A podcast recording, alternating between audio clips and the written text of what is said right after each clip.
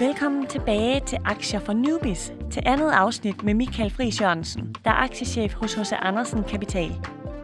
Han er med i dag for at give mig og alle jer derude de bedste betingelser for at investere i ETF'er. I første afsnit der snakkede vi om de helt basale ting med ETF'er. Hvad de er, hvad de kan og hvordan de adskiller sig fra investeringsforeninger. I det her afsnit der går vi lidt mere i dybden med, hvordan man udvælger de ETF'er, man gerne vil investere i, og hvad de skal fokusere på.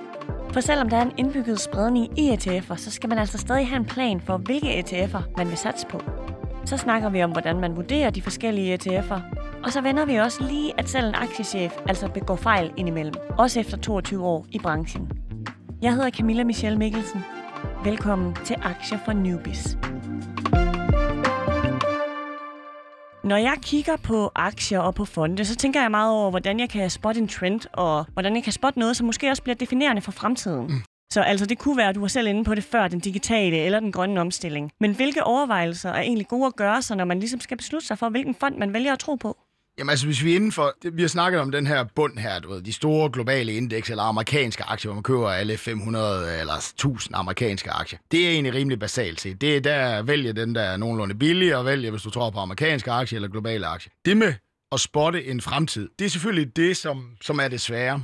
Altså noget af det der, man skal passe på med her, og noget af det, måske noget af det farligste, det er jo det der med at sige, nogle gange så opstår det de der små mikrotrends. Mm. Altså sådan noget som cannabis. Og så kom der jo en cannabis-ETF, ikke? Og den, så lige pludselig fik den værdisat hele den her cannabis-sektor, du ved, til at de alle sammen stort set skulle sælge hash 10, 10 gram til, til alle personer i verden, ikke? Og du ved, den legalisering, den kom, ikke? Så du ved, nogle gange så opstår der sådan nogle små mikrotrends, som alle de løber ind i. Og det er også super spændende, og de stiger også voldsomt, de her ETF'er der. Men du må lige en gang imellem spørge dig selv, er det sådan en kæmpemæssig trend? Er det sådan en, du ved, der, der virkelig vil var ved og var ved og var ved og var ved. Ikke? Mm. Altså det er det første spørgsmål, du godt lige må stille dig selv. Ikke? Og der synes jeg jo, altså, der er jo de her, og det, det er jo dem, jeg godt kan lide at investere ind i. Det er for eksempel, der findes jo sådan nogle fødevarer til, ikke? I 3.000 år, der, med, eller de sidste 10.000 år, hvor, hvor menneskeheden er skabt hen, hvor vi har boet hen, hvor vi har levet hen, er jo skabt, da vi skulle skaffe os fødevarer. And you know what? Det, det, det bliver rigtig svært at substituere det, for Er det eksempel. de fonde, du holder øje med? Det er fødevare-ETF'er? Nej, jamen, altså, der findes sådan en. Nej, nej, jeg er mere på teknologisiden. Jeg tror, altså, jeg har en kæmpe andel af min øh, portefølje i den grønne omstilling. Mm. Og ETF'er inden for det her, og enkeltselskaber. Jeg tror, at de sidste 15 år har været domineret af, det, af den digitale omstilling af vores e-handel og alle den her type. Og det bliver også stort i fremtiden, men den helt store næste 10, 20 eller 30 år, det bliver den grønne omstilling. Der er ingen vej udenom. Politikerne har valgt at gøre det. Du ved, selskaberne har nu valgt at gøre det. Øh, vi er nødt til at gøre det, og det vil sige, den aller, aller højeste vækst, tror jeg, der kommer inden for den grønne omstilling. Og derfor ligger jeg med en enorm mængde der. Og derfor kigger jeg på enkeltselskaber, og derfor kigger jeg på ETF'er inden for det. Så tror jeg så noget som, altså stadigvæk så noget som cybersecurity, har jeg mm. rigtig meget af. Vores verden derude, den her digitale verden, vi alle sammen går og drømmer om, den her med, at vi alt er connected, og du ved, jeg skal bare gøre det her, altså jeg kan gøre alt på nettet. Det medfører altså bare at vi skal have sikret det her lort. Ikke? Og det er sådan nogen, du ved, det er jeg helt sikker på også bliver sådan noget. Og så har jeg jo den generelle digitale omstilling. Så investerer jeg meget ind i kinesiske internetaktier, fordi det er derude forbrugeren er. Det er derude den store vækst ligger. Det er ikke gået godt i år, fordi den kinesiske Nej, regering... det kan jeg skrive under på. Og det, det er jo sådan noget, altså så får du sådan nogle år. Det er jo også derfor, man ikke kun skal have et tema eller sådan noget. Så det er, det er dem, jeg er meget. Og så det her, du kan sige, den, den, øh, vores automatisering, ikke? fordi at, at jeg tror noget af det, coronaen har medført, det er, at arbejdspladser flytter hjem, og dem skal vi have automatiseret, du ved, fordi vi kan ikke, den her forsyningskæde, der bare passet med, at den her skrue, den kom fra Kina med det her skib, lige præcis, du skulle skrues i bilen. Det har vi fundet ud af. Det, der er lige noget, der hedder en corona, der, der kan ødelægge ja. det der, ikke? Så, der, altså, så, så, så, så noget inden for robotisering, automatisering, kunstig intelligens. Så det er de områder, jeg tror kommer til virkelig at skabe i de næste 10, 15, 20 år, og derfor køber jeg ETF'er inden for det her. Ja, man skulle have investeret i Zoom eller Teams, eller hvad de ellers hedder nu, de her platforme, vi alle sammen sidder og kigger ind i, når vi sidder med skærmen derhjemme. Hvordan finder du de her fonde eller ETF'er, hvis man nu sidder derude og gerne vil... Okay, jeg vil, han siger, aktiechefen siger den grønne omstilling. Ja. Hvordan finder jeg den? Det bedste værktøj, og det er også derfor, jeg synes, ETF'er er rigtig godt for newbies, det er Google. Det er Google. Gå ud og sige ETF, grøn omstilling, eller green energy, ETF, øh, og så videre. Og så dukker der faktisk en masse skide gode artikler op, men den første artikel er faktisk som regel for noget, der hedder ETF List, som mm. kommer med otte, mu- otte mulige ETF'er, du kan købe på den grønne omstilling. De har rated dem. Eller Morningstar har sagt, det er den største, det er måske den bedste, det er den, der er mest aktiv. Så hvis du kan google, og du kan læse en artikel, så får du faktisk en masse gode muligheder. Så skal du så lige ind og finde ud af, hvilke er det, jeg kan handle ind i det handelssystem, jeg, jeg så har. Så der kan være lige sådan et spadestykke dybere, man skal, øh, du ved... Øh, Altså om man er over sin bank, om man er på Saxo eller eToro, ja, eller hvad de det er ikke hedder. alle Nordnet. ETF'er, der findes i alle de her systemer. Ikke? Øh, Så det er lige den næste hurdle. Men, men, men det er jo derfor, jeg synes, det er så genialt. Ikke? Netop fordi, du skal ikke ind og nørde i nøgletal, du skal ikke ind og forstå det her selskab. Du siger en grøn omstilling. Jeg tror sgu egentlig, det bliver en dominerende faktor. Google det. Find nogle ETF'er. Gå ind og læs lidt om dem, få en liste, læs lidt i den der artikel, som er den første som regel, der dukker, dukker op derude, ikke? og gå ind og find, om du kan købe den i dit handelssystem. Og så er du sådan set i gang. Altså, Så det, det, det, er, det er en rimelig demokratisering af, af investeringsprocessen, ikke? I, I et eller andet omfang, ikke? Hvor i gamle dage skulle man da sige, hvad er der for nogle selskaber, skulle jeg lige ind og prøve at finde ud af det her med den grønne omstilling, skulle jeg også prøve at sige, med de helt ude i skoven med deres teknologi, og hvordan er de prissat, ikke? Og så kunne jeg så købe Vestas, ikke? Efter lang, lang tid i den grønne omstilling. Så det er jo en demokratisering af det her, hvad nu det hedder, af investormarkedet. Google er simpelthen dit bedste værktøj til at finde de her. Så du, det, du skal ikke sidde i nogle komplicerede databaser eller noget. Google er det bedste. Og det er der noget, vi alle sammen har prøvet at bruge, tror jeg. Skal jeg sige, det er meget konkret. Den er nem at give videre. Ved du hvad? I skal bare google derude, Ja. og så tager I dem bare fra en ende af. Hvad passer ind i Ja. det værktøj, I nu bruger? Prøv eller den sige platform? digital omstilling, Chinese Internet Stocks, ETF, så er nogle ting der, og så kommer der som regel nogle artikler og nogle lister, og dem skal man selvfølgelig lige læse ind i, og så sige, okay, den her, den, så, så står de som regel og siger, den er for lille, den her, så du ved. For det er også noget at gøre med, hvor store fonden er, altså du ved, altså, jo flere penge der er i dem, jo mere er det nok et, et tent. Og det er måske et rigtig godt tips, altså hvis du står med sådan en, så tænker jeg, ah, nu tror jeg skulle, ja det ved jeg ikke, 3D-printning, det bliver kæmpe, kæmpe stort. Ja. Så kan du gå ind og google, så finder du, der er, tre, der er to ETF'er. Der er cirka smidt en halv milliard dollars i den der. Så går, hvis du så går over og googler sådan noget som grøn omstilling, så er der måske smidt 200 milliarder dollars ind i en enkelt ETF. Ja, for 3D-printing så fortæller det dig, snævert jo. Ja, ja, ja, for eksempel. Også, men det fortæller dig måske, at, at enten så er du rigtig, rigtig smart, fordi det er dig, der er i gang med at opdage, at det her det bliver kæmpe stort. Men det giver dig også lige en lille early warning om, at der er altså ikke masser af mennesker, der har smidt penge ind i det her endnu, så, så måske enten er du smart, eller også så får du en lille advarselstegn. Og det er jo det, må du bestemme med dig selv. Så det er en af de der ting, man lige kan kigge efter, at der trods alt er smidt nogle penge ind i det her. Og det er der jo i den grønne omstilling, den digitale internetaktie, cybersecurity. Det er kæmpemæssige ETF'er, der ligger derude med massiv penge i. Så her er alle enige om det. Og de er lidt overophedet, er de lidt for dyre på den korte bane? Jamen det kan vi snakke vidt og bredt omkring. Om 10 år, hvis det her det er noget, der er blevet rigtig, rigtig stort, så har man nok egentlig fået noget afkast af, at de her ting, de er vokset, ikke? Godt, så det er et meget godt råd, ja. Gå lige ind og kig, hvad der står af økonomi inde i det. Eller vurder, om du simpelthen vil være foran markedet og ja. investere i et 3D-print, for Og eksempel. det, det, man måler der, det er, hvor meget, fordi der er altid en oplysning om, hvor mange penge er der i den her fond, eller du, du kan sådan, hvor, i de her fonde, der står altid, hvor mange penge er egentlig investeret ind i de her fonde, ikke? Så de er helt små, ikke? Altså, du ved, øh, altså på et tidspunkt, så tænkte jeg, ah, nu skulle jeg have noget shipping. Du ved, det er røvsygt, men jeg troede måske, det var ved at komme, ikke? Og så fandt jeg en ETF, den hedder SHIP, S-H-I-P, super. super, super sjovt. Og så kiggede jeg, der var 50 millioner dollars i, og det har der altid kun været. Og så var det, jeg sagde til mig selv, "Ej, ikke. er jeg nok er jeg så meget smartere på det her område end alle mulige andre, at, at jeg skal have smidt nogle penge ind. Og det er sådan en lille måde, man kan bruge det på. Det, jeg skulle så have gjort det, men du ved, der valgte jeg jo at sige, at, uh, at ah, så det er, man måler det på, hvor mange penge er der under forvaltning i den her ETF. Ikke? Jo større de er, der er selvfølgelig flere, der er rendt efter, og du er ikke den første, der har opdaget det der, men, men, men en gang imellem, så skal man måske heller ikke tro, at man altid er den første, der opdager et eller andet. Det, er- det er meget godt at vide, at selv altså, en aktiechef jo kan øh, tage fejl, og måske... Øh, Uha. Okay, det, det er ikke første gang, kan jeg Nej, høre. nej, nej. Og, og det, det, hvis, altså, det, det, der er at være investor, det er jo at lære sin fejl. Mm. Og det kan jeg love dig for, det gør jeg også. Jeg laver også fejl efter 22 år, altså, og så bare roligt ud. Altså, det er det, man lærer. Investering, der lærer man hver eneste dag, og lærer at være lidt ydmyg, og, og lærer, at jeg kan ikke spå om fremtiden. Altså, når jeg står og siger, at jeg tror, at den grønne omstilling bliver stor, så, så er der nogen, der kalder det sådan lidt spot om, og det, det er selvfølgelig også delvis rigtigt, men jeg, jeg ser jo bare på de her nuværende faktorer, hvor stærke er de? Mm. Og derfor tror jeg, det er ude i fremtiden. Ikke? Altså, men faktum er, at desværre, selvom man gerne vil lytte til alle mulige der radioen, sådan med folk, der bliver kaldt guru, og så du ved, så er der folk, du ved, ved du hvad, der er sgu ingen, der kender morgendagen. Altså, Nej. det er, det er der ikke. Men der er måske tendenser, som du kan prøve at følge. Altså, du ved, og det er en god måde at investere på.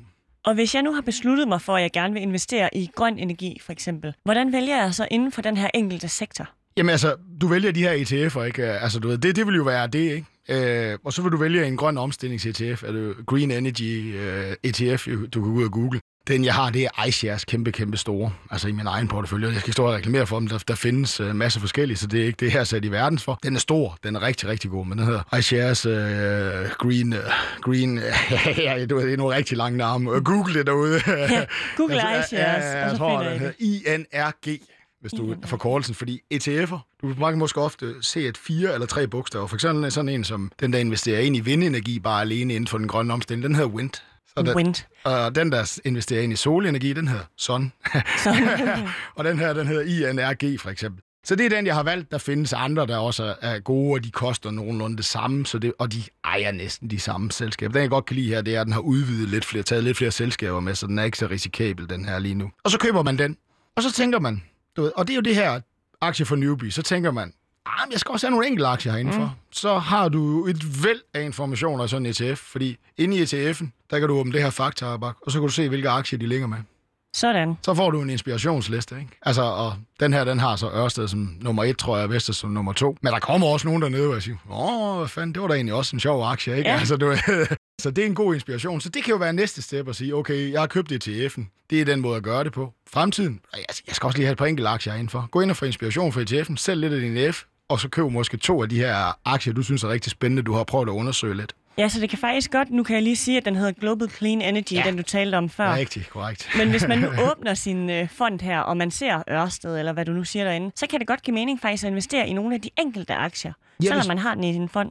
Ja, når man, altså, hvis du ejer fonden, så, så, så start der, og så kan man ligesom sige, nu kan jeg få noget inspiration, hvad, mm. hvis jeg skal se på den grønne omstilling, fordi det har den her fond altså sørget for. De her selskaber er nogen, der har med den grønne omstilling at gøre så kan jeg jo få noget inspiration nu. Jeg kan finde, øh, du ved, Vestas derinde, den kendte jeg nok, Ørsted, den kendte jeg nok, men, men der er jo mange sådan udenlandske selskaber. Sidste år der opstod der jo det her område, der hedder Green Hydrogen. Nu har vi fået et dansk noteret selskab, som gik på børsen i går inden for det her, men der var en masse sådan amerikanske selskaber, og det er jo muligvis løsning på at lære vores øh, grønne øh, omstilling, altså vores øh, renewable strøm, det er måske løsningen på at få lavet flybrændstof, skiftbrændstof, det her green hydrogen, altså hydrogen, man laver fra grønne e- elektricitetskilder. Og de steg 1400 procent, de her selskaber, mange af de her plug, du ved, Ballard Power System der. Dem havde, dem havde jeg ikke opdaget, og, og de, blev, de blev også for dyre. Dem havde jeg ikke opdaget, hvis det var sådan, at jeg ikke lige havde dukket ind i, i ETF'en og begyndt at sige, at der er noget, der hedder green hydrogen. Den begynder at dukke op herinde. Ikke? Så det er inspiration. Så ej ETF'en, og når du skal et spadestik dybere, og du vil gå ind og kigge på casen og en enkelt aktie osv., så, videre, så få inspiration over for ETF'en inden for den grønne omstilling derinde. Det, det er den måde, jeg bruger ETF'er på. Og hvor ofte skal man ligesom sådan supplere sin portefølje op? Hvor ofte skal jeg købe enkelte aktier eller fonde, for at det giver mening? Jamen altså, jeg vil jo stå her og sige, at hver gang du har lidt penge sat til side, som du ikke skal bruge i fremtiden, så supplerer op. Altså, der er altid dem, der siger, ah, skal jeg nu købe på markedet nu? Alle studier igennem tiden viser, at hvis du er sådan lidt langsigtet investor, det er ikke penge, du skal bruge til din sommerferie, eller det er ikke nogen penge, du skal bruge måske næste år. Det er lige meget, hvornår du køber. Køb, når du har pengene. Det kan godt være, at markedet er lidt dyrt, og det så faldt, og det er ikke sjovt, men viser over lang, lang periode, hver gang du har noget at investere for, køb det. Du ved, altså, du ved. Men det skal selvfølgelig være penge, som du ikke lige skal stå og bruge. Din pensionspenge eller noget, du ikke skal bruge de næste fem år. Og det kan være svært at finde, finde ud af det. Men der er mit råd altid. Og folk spørger altid, ah, men er aktiemarkedet ikke lidt dyrt? Skal jeg købe nu, eller skal jeg prøve at vente lidt? Nobody knows. Alt forskning viser, køb bare, når du, når du har pengene, du skal investere ind. Og så skal man ikke være så ked af, at den lige falder dagen efter, eller sådan. Det er Nej. bare name of the game.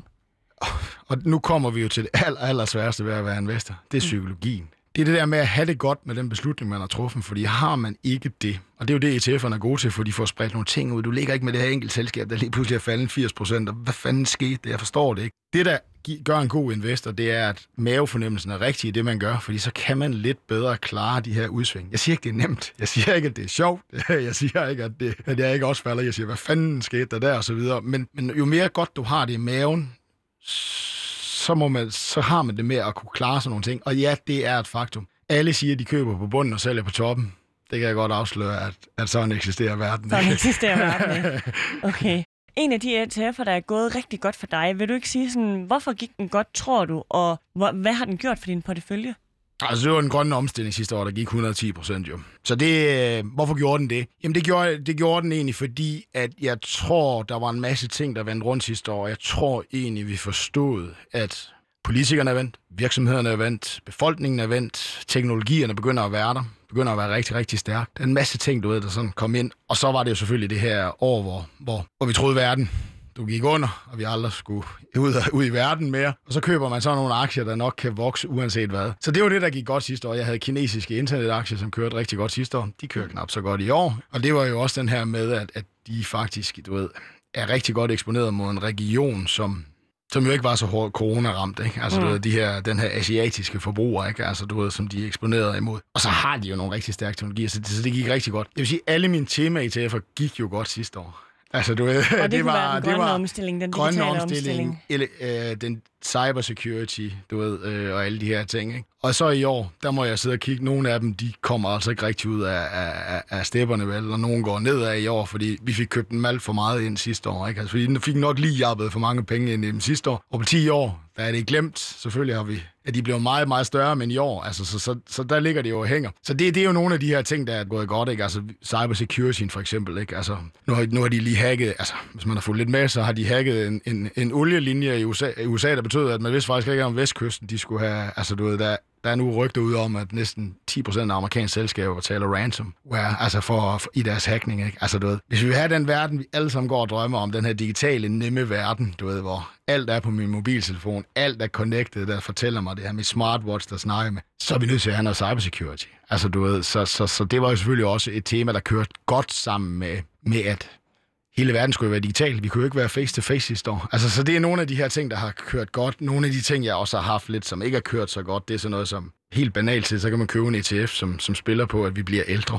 Det har du købt det? Ja, jeg har det lidt kunne du godt lige tænke dig. okay. Men, og det er lidt mere fordi, at du ved, ah, jeg synes næsten, du ved, når man hører, øh, jeg skal... Vi ved godt, at befolknings... Altså, vi bliver ældre, og det bliver, du ved, at det er sådan 3-4 procents vækst om året, eller sådan noget ekstra. Mm på, at vi bliver ældre. Jeg synes bare, det er så kedeligt. Alle siger, jamen, så skal vi have nogle plejehjemsaktier, eller vi skal have nogle medicinalaktier, eller sådan noget. Hvorfor kan det ikke være sådan noget som eskoskeletter, du ved, der gør, at jeg kan som 100-årig rende rundt, og, mm. og, altså, det er jo det her motor, der bliver spændt på dig, og du ved, styret ja. og så videre. Altså, og der er en ETF, den går meget, meget bredere ud. Altså, du ved, den, den prøver at finde de her nye, spændende teknologier herinde for, ikke? Altså, desværre er der ikke så mange af dem endnu, så, så den, den, den, det var sådan en, der ejer meget finans, fordi, at, du ved, når man er gammel, så er man rig og har mange mm. penge i banken og så videre. Altså, det er en af dem, der ikke er kørt så godt, men den er så kommet i år, og det viser jo sådan lidt, at markedet har det med at svinge mellem to ting, ikke? Så det, det er også lidt at have en balance af de rigtig spændende ETF'er og de lidt kedelige ETF'er måske. Og hvordan opsøger du sådan en her? Fordi når jeg blandt andet skal ind og kigge på, hvis jeg nu skulle ind og kigge på både fonde, men også enkelte aktier, så kigger jeg nogle gange på S&P 500, men også ja. på C25, ja. hvis jeg vil i Danmark. Ja. Hvordan vælger du dine fonde og enkelte aktier? Hvor finder du inspiration henne? Ja, men det gør jeg egentlig. Jeg har en tematisk tilgang. Mm. Jeg, jeg siger, vi bliver ældre godt, vi skal mm. have en eksponering mod det. Den grønne omstilling bliver super stor. Jeg skal have en eksponering med det. Det er mit udgangspunkt. Fordi jeg synes jo, det her aktier for grønne investorer, det her mener jeg nye investorer, det, det, det er dumt, at vi har valgt at kalde dem grønne investorer, fordi her, der er kommet en ny terminologi. Du sidder jo og kigger ind i et handelssystem, og så ligger der cirka 65.000 aktier hvor skal jeg starte henne? Ja, altså, du... så når du siger grønne investorer, så mener han newbies. Ja, så mener jeg newbies, ikke? Hvor skal jeg starte henne? Så var okay, det her selskab, hvor, hvor, hvilke nøgletal skal jeg begynde at kigge på? Hvad er det indenfor? Og så videre, ikke? Og derfor er den her, min verden er sådan lidt en, en hvor jeg siger, hvor tror jeg væksten ligger henne, fordi det er nogle trend, og så begynder jeg at kigge ned af ETF'er, enkelte selskaber, ikke? Det er den måde, jeg investerer på. Der er jo andre, de siger, ej, jeg skal bare ud og finde billige aktier, ikke? Så kigger jeg på alle aktier og deres nøgletal, og så køber jeg dem, ikke? Altså, du ved, hvor jeg sådan mere tager, jeg køber inden for de her temaer. Jeg prøver at finde enkelte aktier inden for, jeg tror, der har lidt bedre teknologi. Det er jo fordi, jeg tror, jeg er efter 22 år klogere end alle andre, og det er jeg muligvis ikke, og derfor har jeg jo også ETF'er, fordi jeg trods alt har anerkendt, at, at det er jeg måske ikke altid.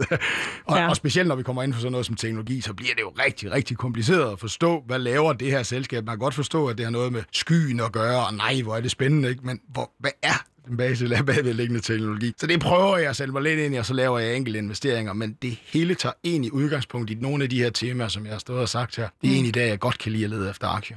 Vi talte også før om øh, aktiv versus passiv fonde, hvor du ja. sagde, at aktiv det er de her investeringsforeninger. Hvordan vælger man en investeringsforening? For der siger du jo, der sidder nogen aktivt og udvælger. Hvordan ved jeg, at det er de i godsøjne rigtige mennesker, der sidder og udvælger de her ting til mig? Jamen, man kan prøve at kigge på de sidste 20 års afkast, og ikke kun de sidste tre.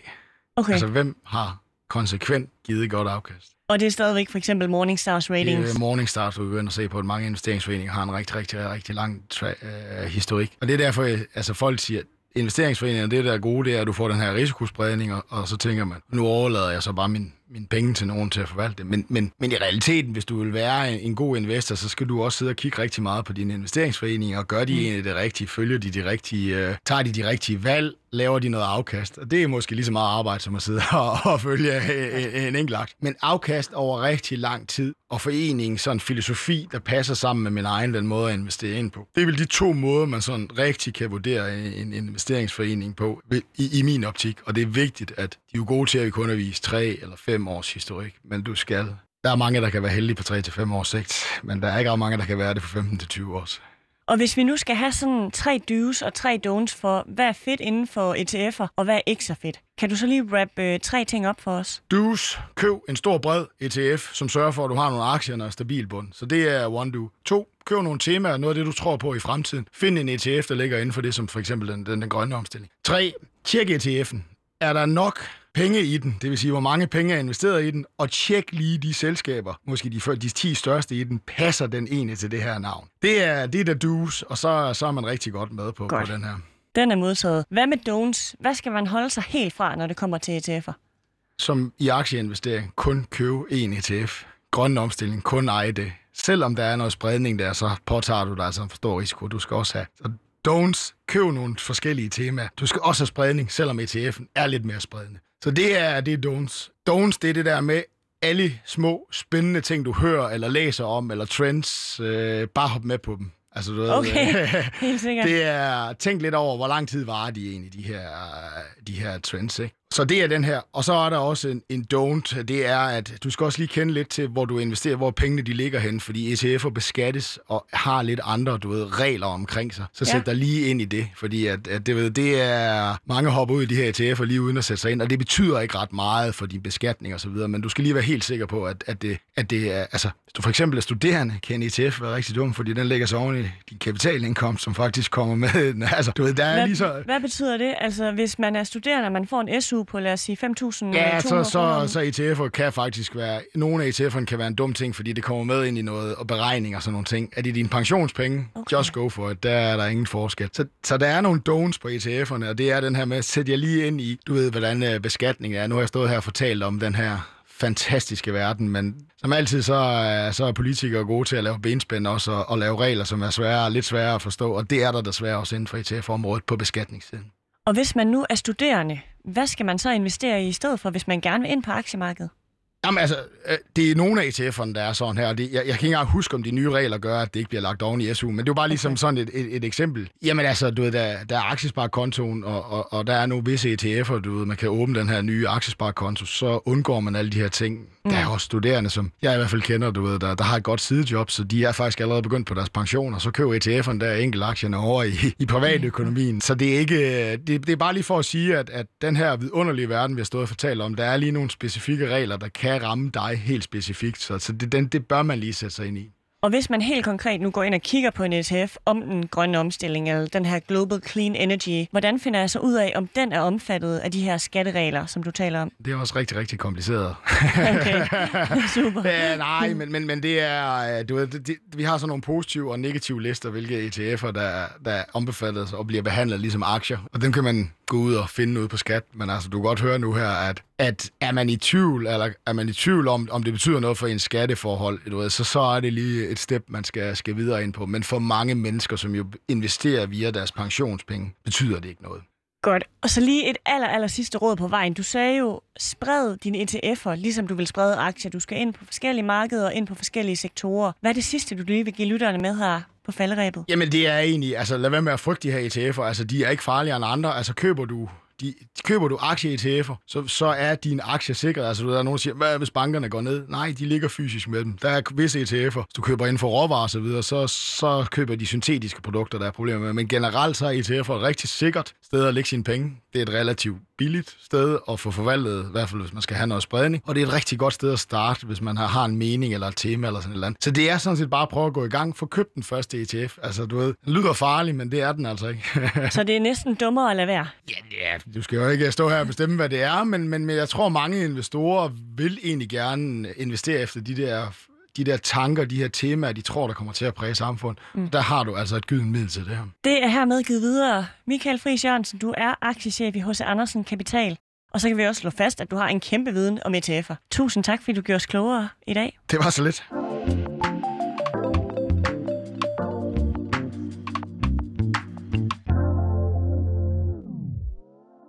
Det her det var andet og sidste afsnit med Michael Friis Jørgensen, der er aktiechef hos H.C. Andersen Kapital. I hvert fald for den her omgang.